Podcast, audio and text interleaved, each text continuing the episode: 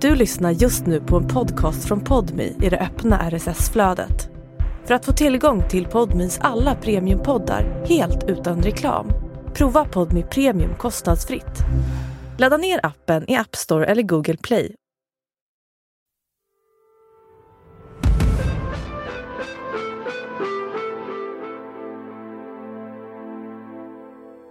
Jag var så arg. Jag hade kunnat gå upp i atomer själv. Så arg var jag när de ringde till telefon. Det här är en berättelse om kärlek, pengar och svek. De drar sig inte för någonting. De är enormt skickliga på att manipulera. När man har förlorat sina drömmar och tron på sig själv, vad finns det då kvar? Jag tror att alla ljuger. Det kommer jag inte över tror jag. Men det är också berättelsen om en jakt på pengar och bedragare. Jag tänkte fan nej, ingen ska lura mig. Då var det ju ett svenskt eh, nummer då. hittade vi någon uppkoppling som knöt an till Sydafrika.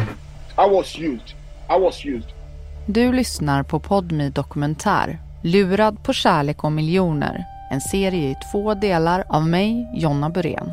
Det här är andra delen.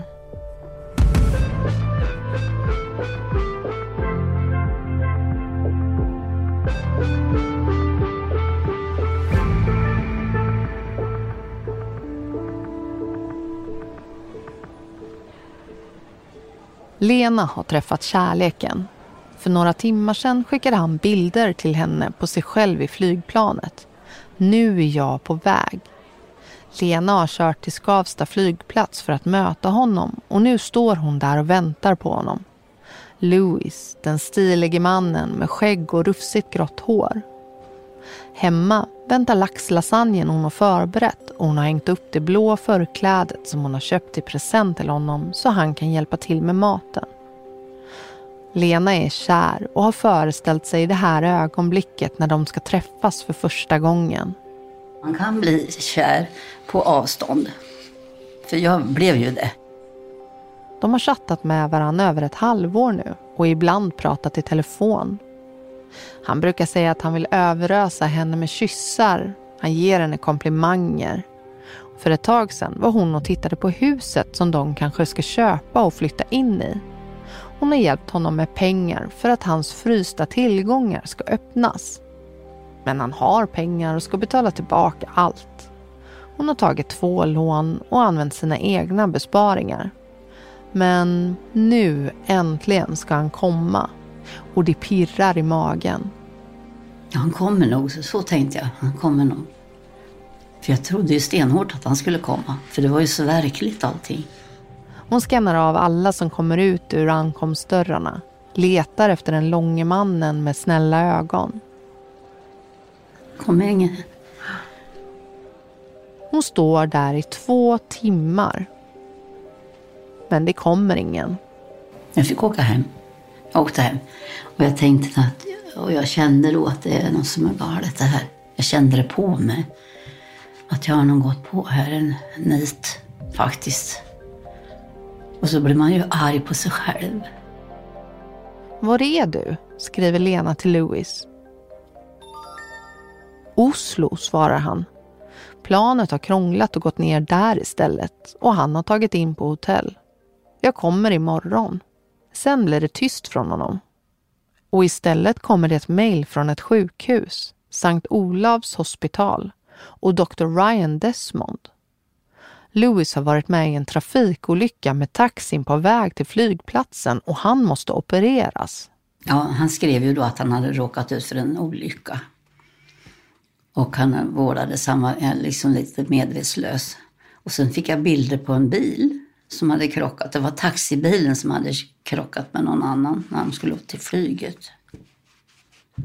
Och sen kom det mejl från hans son som också bekräftade liksom att, ja, att, att eh, pappa hade blivit sjuk och låg på sjukhuset. Hello, good day mom. Jag fick ett meddelande från Sankt Olofs hospital att pappa var inlagd där.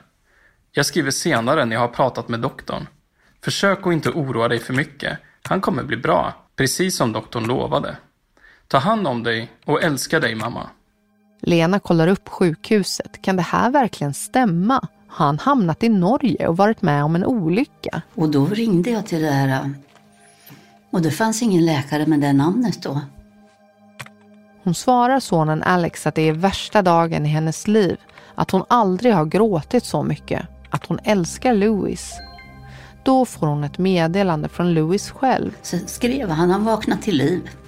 Så då så sa jag till honom att jag kan, jag kan komma och hämta den, det är inte så långt att åka härifrån. Det, det ville han ju inte då. Så då skrev han att han, att, uh, han ville att jag skulle skicka pengar till Norge. Och det tänkte jag aldrig, tänkte jag då. Och då fick jag ju mer bekräftat att det här var ju, alltså det var ju en bluff. Den här gången vill Louis ha pengar till sjukhusräkningen. Lena förstår att det är något som inte stämmer. Hon skriver till honom. I don't believe you anymore. I don't think you're coming ever. Jag tror dig inte längre. Jag tror inte du kommer någonsin. Hon har pratat med sina väninnor. Hon har ju tidigare berättat om Louis och sina känslor för honom. Men när han inte kom krossade han hennes hjärta. Och de manar också oråd. De kollar upp flygen och det gick inget flyg från Glasgow till Skavsta. Han måste ha ljugit, säger väninnorna. Ja, de hjälpte mig ju. Mm. De har ju stöttat mig hela tiden. Har de gjort. Nu ändras tonen i mejlen till sonen Alex och Dr. Ryan. Det gick inget flyg. Jag vet inte vad jag ska tro. Kanske din pappa har lurat mig. Kanske det aldrig var någon olycka. Snälla, jag vill veta sanningen. Jag vill tro att det har varit sant för jag har trott på din pappa. Snälla berätta innan jag ringer polisen. Hello mom, I'm so surprised you're talking like this. Sonen står fast vid att allt är sant. Men Lena vet att det inte stämmer. Hon har haft känslan ända sedan Louis inte dök upp på flygplatsen. Det var då jag började tänkte, ja, nu är pengarna borta. Och det var då jag liksom fick den här paniken. Mm. Man känner sig som man håller på att dö alltså. jag märkte det där. Mm. Och det var verkligen en obehaglig upplevelse. Så jag förstår dem nu som har panikattacker. Fast egentligen händer det ju inte, det är ju inget farligt. Hon åker in till sjukhus och de kollar alla värden och hjärtat. Hon är okej. Okay. Det är en panikattack. Så kom den stora ilskan. Jag tänkte, fan nej, ingen ska lura mig igen. Så det var bara att börja jobba. Hon slutar skriva till Louis och svarar inte på mejl från sonen Alex. Hon vet inte längre vem eller vilka som har skrivit till henne när hon har trott att hon pratat med Louis. Då ringer telefonen. Så då ringde de på telefonen och pratade med mig. Och jag var så arg, jag var så arg. Så, alltså jag hade kunnat gå upp i atomer själv, tror jag. Så arg var jag när de ringde på telefon. Så jag sa, nu är det färdigt. Ja, de eh, jagade mig ju en bra tag efteråt. Med både med sms och mejl och, och, ringde på telefonen jag fick från England då. Engelska nummer. Mm. Jag, efter det här så gick jag direkt till polisen. Dagarna går i ett somrigt Sverige och Gustav sitter och väntar på ett mejl från Valentina. Jag skrev inte ett sött, sött brev för att få pengar tillbaka. Det var ett tag sedan nu han hade mycket kontakt med Valentina Goldstein. En 51-årig kvinna från Tyskland som handlar med guld och bor som inneboende i en villa i Göteborg. Han har hjälpt henne med pengar efter att hon blivit rånad för att få ut guldet, hjälp med advokat när hon riskerade dödsstraff, med mediciner och flygbiljetter. Tanken var att han också skulle få tjäna lite pengar på det där guldet. Hej, jag Ryan Reynolds. På Midmobile vill we like to do opposite of vad Big Wireless gör. De laddar dig mycket we charge you a little. So naturally, when they announced they'd be raising their prices due to inflation, we decided to deflate our prices due to not hating you. That's right. We're cutting the price of Mint Unlimited from $30 a month to just $15 a month. Give it a try at mintmobile.com slash switch. $45 upfront for three months plus taxes and fees. Promo rate for new customers for limited time. Unlimited more than 40 gigabytes per month. Slows. Full terms at mintmobile.com. Men när hon behövde fler miljoner för att sälja guldet i Sydafrika sa han stopp. Och då sa jag stopp. Nu är resan slut alltså. Gustav skulle ju göra ett klipp på det där guldet. Men nu är han bara intresserad av att få tillbaka sina pengar som han har lånat henne. Det har blivit totalt 1,9 miljoner kronor. Han skriver att hon väl säkert vill lämna tillbaka pengarna. Jag hade ansåg att hon var en seriös människa och allt det här. Men jag, jag skulle ha pengar, jag handlade om pengar. Jag måste, jag måste söta att få någonting. Va? Sen blir det socker i kaffe. Det är en sommardag och Gustav är med en vän när mejlet kommer. Valentina skriver att hon är glad att han fortfarande bryr sig om henne. Men några pengar tillbaka är hon inte redo att ge honom. Hon behöver fortfarande mer pengar. Var ju fortfarande i, i, i Sydafrika vet du. Då skrev hon det här att hon var med, med pengar. Jag ansåg resan avslutad helt enkelt. Så jag tänkte att det, blir, det, blir, finns ingenting att hämta här. Va? Han bestämmer sig för att släppa det helt. Han kommer inte få tillbaka några pengar ändå. Och då ringde Peter och det var ju väldigt bra. För då fick jag ju veta att, det fanns liv i, i ärendet så att säga. I Sundsvall sitter Peter Johansson, kriminalinspektör på bedrägerigruppen, i sitt vita rum utan något på väggarna i polishuset. Han sitter framför datorn och ringer runt till möjliga offer för något som kallas romansbedrägerier. Människor som har blivit lurade på pengar i tron på att de har träffat kärleken. De här fallen engagerar honom och antalet offer verkar aldrig ta slut. Man tar ifrån dem allt kan man säga. Alla deras pengar. Det finns de som har varit pensionerade och tvingats börja arbeta igen för att betala av sina skulder. Vissa människor har ju då kanske pengar sen förut, va? besparingar och annat som man har kämpat ihop under ett helt arbetsliv som en trygghet när man då ska på ålderns höst när man går i pension och kunna njuta av livet och de pengarna försvinner ju men det är inte bara det utan många av de här drabbade tar ju också lån för att kunna fixa det här och hjälpa sin, sin nätromans helt enkelt. Då.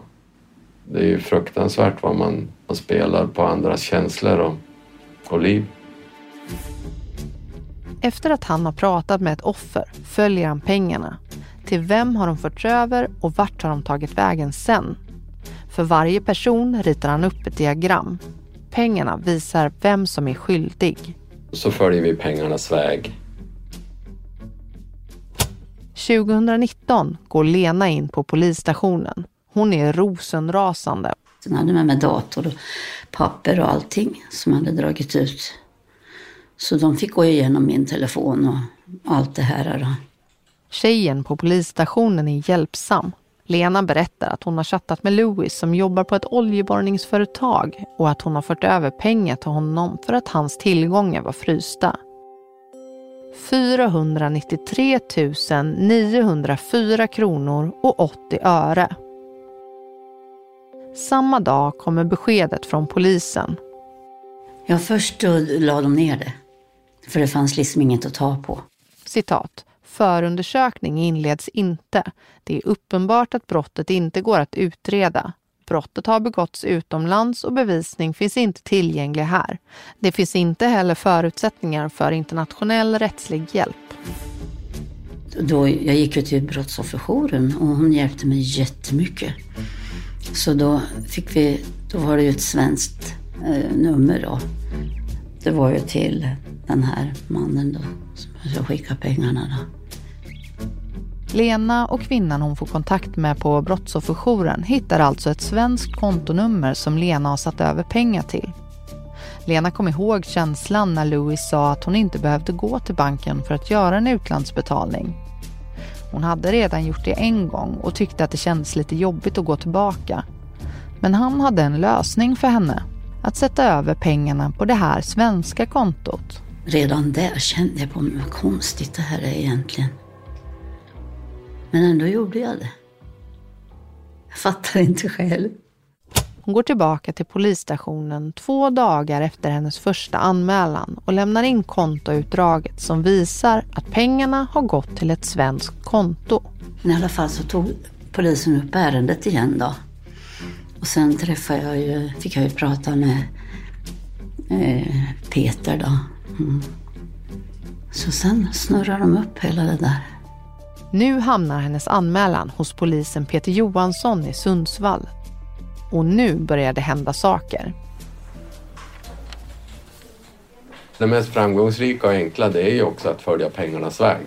Man kan se att en drabbad kan då ha gjort utlandsbetalningar men sen har vi då de som går till svenska konton.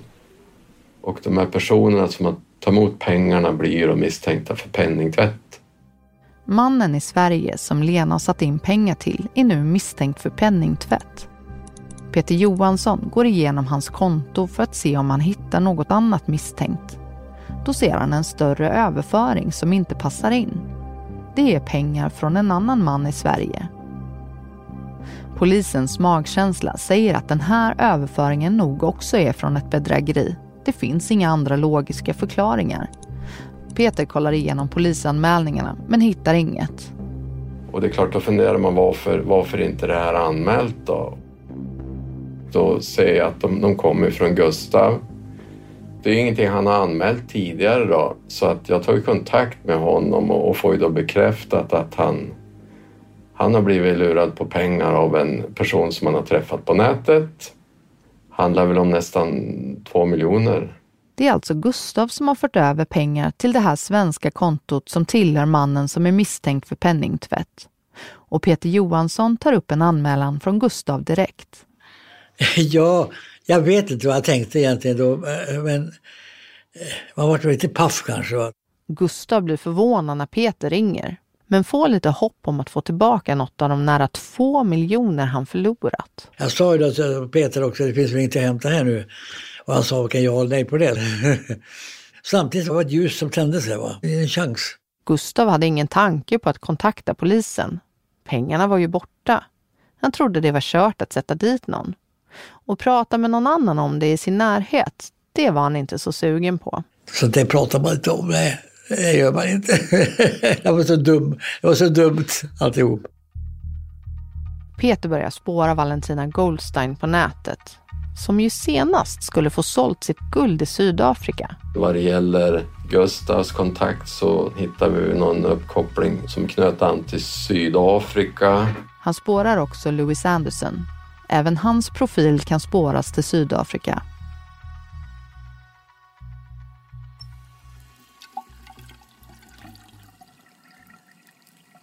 Samtidigt som polisen följer pengarna och försöker hitta bedragaren sitter Lena i sitt badrum hon inser att hon förlorat inte bara den stora kärleken. Hon har också tagit två stora lån. 400 000 kronor. Hur ska hon kunna betala tillbaka? Då satt jag ute i badrummet och tänkte, så tänkte jag sätter mig här i duschen. Lena tänker på att avsluta sitt liv här i badrummet. Så tänkte jag. Och sen så låter jag vattnet stå på lite grann så att det rinner ner. Så ingen behöver städa efter mig. Så tänkte jag. Det är svårt. Hur kunde jag gå på det där? Jag fattar inte. Jag anklagar mig själv att jag var, kunde vara så himla dum. Det kommer jag aldrig komma ifrån. Att jag gick på det här. Mm. Så det är inte så kul och känna sig dum. Egentligen är jag ju inte dum, jag är rätt smart. Men jag får säga det själv. Lena slår bort tankarna och ser till att få hjälp. Men så fick jag ju gå till kurator och jag vart ju hjälpt den vägen då. Men jag tänker att det är viktigt att förstå att de som blir utsatta för romansbedrägeri inte är dumma, okunniga eller giriga. Och det kan man inte fatta om man inte verkligen förstår hur skickliga en del av de här bedragarna egentligen är. De är enormt skickliga på att manipulera eh, sina offer. Det här är Emma Engdahl, professor i sociologi vid Karlstad universitet och som hon säger, i teorin, det perfekta offret för en bedragare. Jag har dålig impulskontroll så det är därför jag tänker herregud, liksom, det, det, jag är som gjord för att falla för den här typen av hemskheter. Det, det gäller ju liksom kunna säga nej, stopp och belägg. Det finns forskning som generellt visar vilka som råkar ut för den här typen av bedrägerier, men enskilda fall kan skilja sig åt. Hon säger att vem som helst kan drabbas om man är sårbar just då. Mesta forskningen visar att det är, kvinnor är oftare offer för det här. De är högutbildade, de är impulsiva, eh, har, har lite svårt att, att, kontrollera sig så att säga. Och jag tror lite på det här med impulsivitet och, och, faktiskt att vara en modig människa. En sån där som gillar att ta risker, att vara riskbenägen. Det, det, det tror jag eh, gör att man lättare trillar dit här. Men, men man behöver ju faktiskt också vara lite riskbenägen för att bli förälskad och förändra sitt liv till det bättre också. Så att, ja, det här är ju både positiva och negativa egenskaper, men de blir bara negativa om det visar sig att det är en bedragare på andra sidan. Om det är drömprinsen på andra sidan, då är det ju det som möjliggör ens kärlekslycka. Hon har gått igenom den forskning som finns om romansbedrägerier. Jag är egentligen förvånad över hur lite forskning som har bedrivits på det här området med tanke på hur hårt det drabbar eh, de utsatta. Och det finns något gemensamt hos de som blir drabbade. En önskan om något annat. Om vi bortser från fred så är det väl snabba cash och kärlek som vi önskar oss. Och det gör ju kanske de här personerna också. Och de som är i riskgruppen, det är de som aktivt söker efter en partner. Det är väldigt lätt att tänka, men hur dum kan man vara? Hur kan man låta sig luras på det här sättet? Men romansbedragare är ofta väldigt, väldigt skickliga. Eh, de är bra på att bygga förtroende, skapa tillit.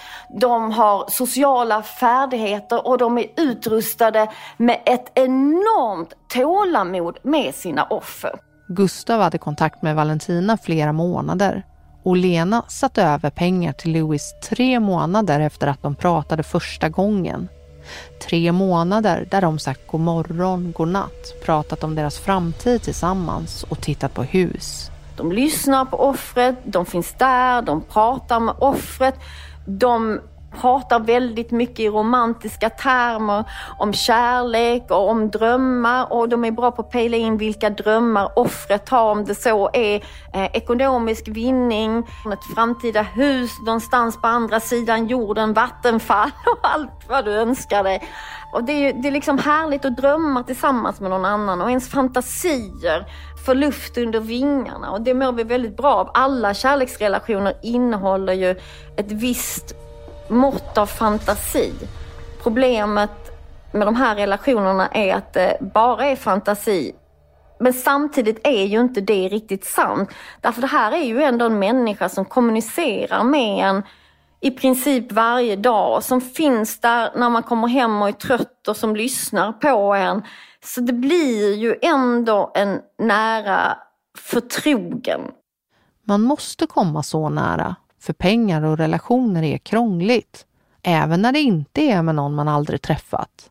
Både Gustav och Lena fick se kontoutdrag, passbilder och till och med inloggningsuppgifter till bankerna. De måste lita på den på andra sidan datorn Sen kommer ju det här liksom, eh, kraven på pengar och annat eh, som gör det lite mer komplicerat. Men ibland är man liksom så inne i det här gemensamma livet att mina pengar är dina pengar och man vill vara hjälten och man känner att man inte vill leva utan den här människan. So, so what? Vad är 500 000 om jag ändå har dem på banken? Och det är till och med så att folk tar lån för att rädda de här relationerna. Så att det, ja, de drar sig inte för någonting. Och det är det som gör det så svårt för offret. För att man utgår ofta från sig själv och vad man själv skulle kunna tänka sig att göra. Och det där finns inte som en möjlighet. Det är viktigt att samhället vaknar upp och ser det här. För ibland känns det som att man inte tar det här brottet på allvar. Framförallt tror jag att, att man måste se var skulden ligger och lägga skulden hos förövaren. Och här har samhället ett enormt ansvar. Om vi stigmatiserar brottsoffer så kommer de att känna skam och så kommer liksom övergreppet och brottet bara att fortgå om och om igen liksom för evigt. Lena mår jättedåligt. Hon kan inte sova och älta både pengarna och kärleken. Att hon varit så dum. Hon går hos en kurator och får hjälp den vägen. Ja, jag kunde inte sova. Jag kunde inte sova. Jag har ju mått dåligt då ett tag så jag fick ju äta lite psykofarmaka ett tag. Men det har jag slutat med nu. Och sen, jag berättade ju för mina vänner då, men mina barn, det tog jättelänge innan jag berättade för dem. För jag tänkte, nu tänker, tänker de. Jag kände mig så dum. Det var ju det. Mm. Så det tog lång tid innan jag berättade. Men det var ilskan som faktiskt räddade Lena. Jo, jag blev så... Jag, jag, jag blev jättearg. Alltså jag bara, nu ska jag reda ut det här, tänkte jag. Så då började jag jobba på det. Och det höll mig uppe på något vis. Annars hade jag nog brutit ihop, det tror jag. Polisen Peter Johansson sitter mitt emot en av de misstänkta för penningtvätt. Vi kallar honom John. I bedrägeri efter bedrägeri har den här mannen fått pengar insatt på sitt konto. Peter frågar om han känner Lena eller Gustav. Det gör inte John, säger han. Men både Gustav och Lena har alltså betalat in pengar till honom i tron att de betalat någon annan utomlands. Valentina och Louis. Ja, båda de här människorna har ju då eh, betalat till konton där vi har en och samma misstänkt. Där är en gemensam nämnare så de här fallen vi pratar om de, de är utredda tillsammans då på, ja, vid ett och samma tillfälle. Den misstänkte mannen säger att han bara har hjälpt kompisar med att lösa överföringar och att han har handlat med bilar. Så att det är betalning för sådana då. Men det som blir lite märkligt i, i min värld det är hur, hur man gång efter gång råkar få pengar från romansbedragna män och kvinnor som betalning till det här och det, det, det må ju vara en försvårande omständighet för den, den som är misstänkt, tänker jag. Peter spårar pengarna, men det tar stopp. Sen så har vi ju sett i någon mån också att det går till konton i utlandet då, men där blir det ju också stopp. Man kan inte få ut de uppgifterna från, från de länderna det handlar om. Så att... Han sitter vid sin dator och skickar förfrågningar över hela världen för att få reda på vilka som ligger bakom konton och vart pengarna har tagit vägen. Det plingar till i ett mejl får han reda på att han har fått en träff på Valentina Goldsteins Facebook. IP-numret pekar på Sydafrika. Han begär att få veta vem som ligger bakom kontot. Svaret är bekant. Användaren finns inte i EU. Han har ingen rätt att få reda på vem som skapat kontot. Citat, vi råder dig att ta kontakt med relevant brottsbekämpande myndighet i Sydafrika. Ja, överhuvudtaget så om, om man eh, skicka rättshjälpsbegäran till, till, till, länder utanför Europa så är det betydligt svårare att få in uppgifter. Man kan tycka att det skulle vara lätt i dagens värld och samhälle men vad det gäller brottsbekämpning så, så finns det en hel del vattentäta skott i, mellan länder och framförallt mot bankvärlden. Den är ju ganska tillknäppt. Då. Det tar stopp både på spåren när det kommer till profilerna och pengarna men de har fortfarande de som har tagit emot pengarna i Sverige. Åklagaren skickar ett PM till Peter Johansson. Citat. Frågan är om det är de som även ligger bakom bedrägeriet. I was used. I was used. Det är John som är mannen som både Lena och Gustav har skickat pengar till. Det var också han som skulle ha tagit emot pengarna i det så kallade vederbedrägeriet och en mängd andra romansbedrägerier. Han säger att han också är ett offer. Att han och hans goda vilja har blivit utnyttjad. Att han från början inte förstod att det var penningtvätt han hjälpte till med. I början, jag hade inte tänkt att det var en pengatvättning. Men eftersom att de polisen till mig jag vet know, okay, det var en pengatvätt. Yes, it's money laundering. I accepted. Han förstår nu att det är penningtvätt som han har utfört. Han säger att han har hjälpt landsmän och andra att skicka pengar utomlands. Genom sitt företag, säger han, kan han lösa det så att det inte kostar lika mycket att skicka pengar som genom andra tjänster som gör internationella överföringar. Då ska det nämligen växlas till olika valutor flera gånger medan han kan sätta över det på sina konton utomlands direkt och sen skicka vidare det. Han har hjälpt många, säger han, men de kriminella utnyttjade det. These bad guys infiltrated the business. And when they infiltrated the business, it's like they gave me different stories, but they knew that it was all criminal money. But for me on my part, I have to be honest with you, I knew nothing. Because if I had known, I would have been the first person to raise the alarm and say, okay, no. De kriminella ljög ihop olika historier, säger han. På så sätt var det trovärdigt att det kom in pengar som han skulle skicka vidare och så fick han en liten slant emellan. Att han inte har reagerat på att det är så många som har blivit lurade som har skickat pengar till honom förklarar han med att det också är många som han har hjälpt helt legitimt. So it shows that my business was infiltrated by these criminals for their own gain. And that is what I was trying to explain to Petra that look, this is what happened. Och det är vad som faktiskt hände, säger han. Och det är det han har sagt till polisen, Peter Johansson. De kriminella är smarta, fortsätter John. These guys are so smart. De får personer att göra utlandsbetalningar och de letar rätt på någon som de kan använda som mellanhand i samma land. Then they look for a mole, a middleman. So and I send the money back to them. And that was what really happened. So most of these people got the money illegally also from me. De flesta av de här personerna, fortsätter han, fick pengarna olagligt från mig. Han har också blivit dömd i tingsrätten för just penningtvätt och inte för något sånt här bedrägeri. Han menar att polisen borde kunna göra mer för att sätta fast dem som faktiskt ligger bakom bedrägerierna, som han säger också har förstört hans liv. Om domen fastställs står han med stora skulder till flera offer. John tycker synd om Lena, men säger att man måste komma åt grundproblemet, få tag på bedragarna.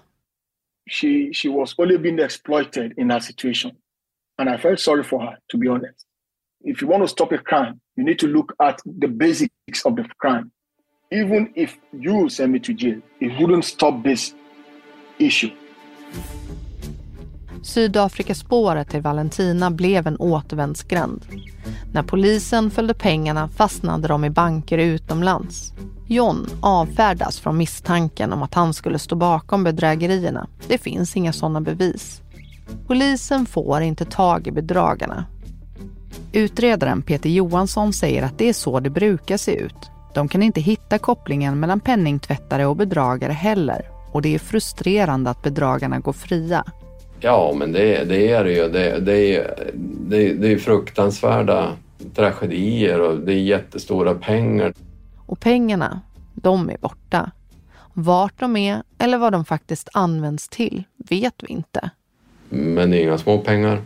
Även om polisen inte får tag på bedragarna är det ändå viktigt att man anmäler, säger han. Gärna också i det land man fört över pengar till. Och att man inte skäms. Polisen, bankerna och politiken måste se att det här händer, säger Peter. Att man inte känner en skam och en skuld, att man får skylla sig själv. Det är, det är väl det sämsta och det, liksom det, det viktigaste för, för oss vanliga människor att, att, att jobba med dem. Man måste förstå hur, hur alltså det här upplägget, en bedragare är en bedragare och man är jätteduktig på det här. Och, och jag tänker att det är väl det geniala i, i brottsplanen det är väl att man lyckas få väldigt många att, att tveka och att inte anmäla det. Lena kommer hem efter att ha jobbat extra hela dagen. Hon kämpar för att få ihop pengar till att betala av sitt lån. Men det är inte bara pengarna. Känslan av ensamhet som chattandet med Louis fick henne att glömma bort är tillbaka. Hon har ingen hon lika självklart berättar om dagen för när hon kommer hem. Så som hon gjorde med Louis. Hon lagar mat till sig själv och sätter sig framför tvn. Hon vill inte berätta om vad som har hänt till fler. Jag tycker det, det behövs inte. Det räcker med de som vet. Har jag lite stöttning från dem. Nej, jag känner mig dum. Och då tänker jag, nu tänker de så här att fan kunde hon gå på det där? Men det kan man tydligen. Om man liksom blir lite sådär kär så går man på det. Mm.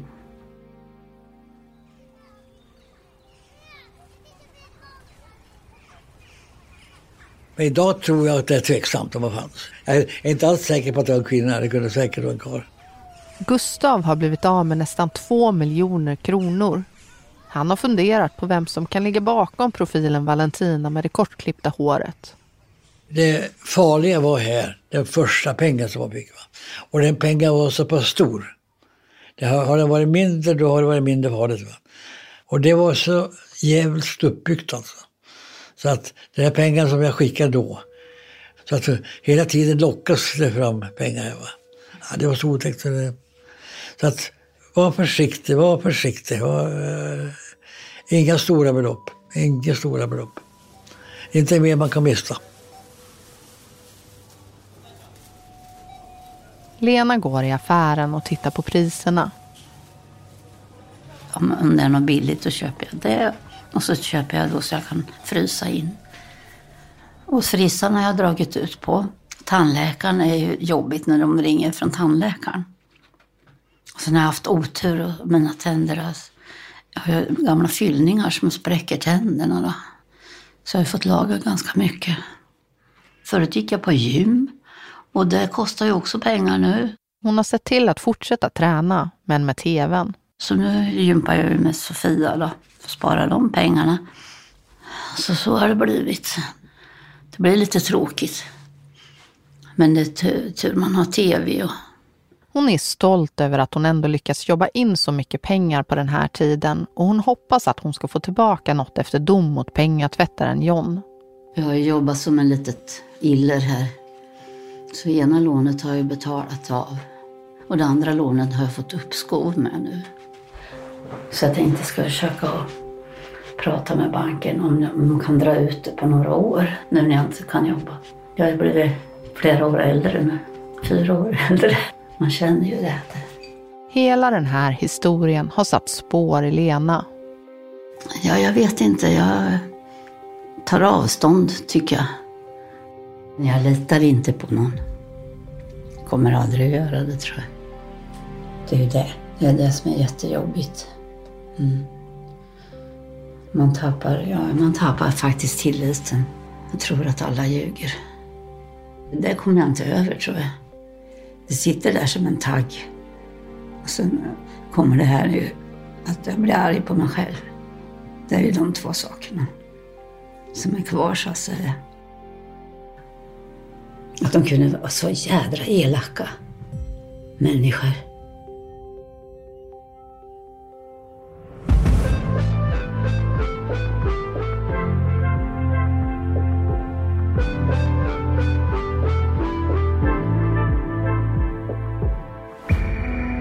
Du har lyssnat på andra delen av Lurad på kärlek och miljoner. En podmi dokumentär i två delar av Jonna Burén från produktionsbolaget Filt.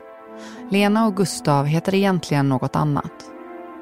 Producent Olivia Sandell, exekutiv producent hos Podmi Emilia Melgar Arnheim, tekniker Astrid Anka Krona.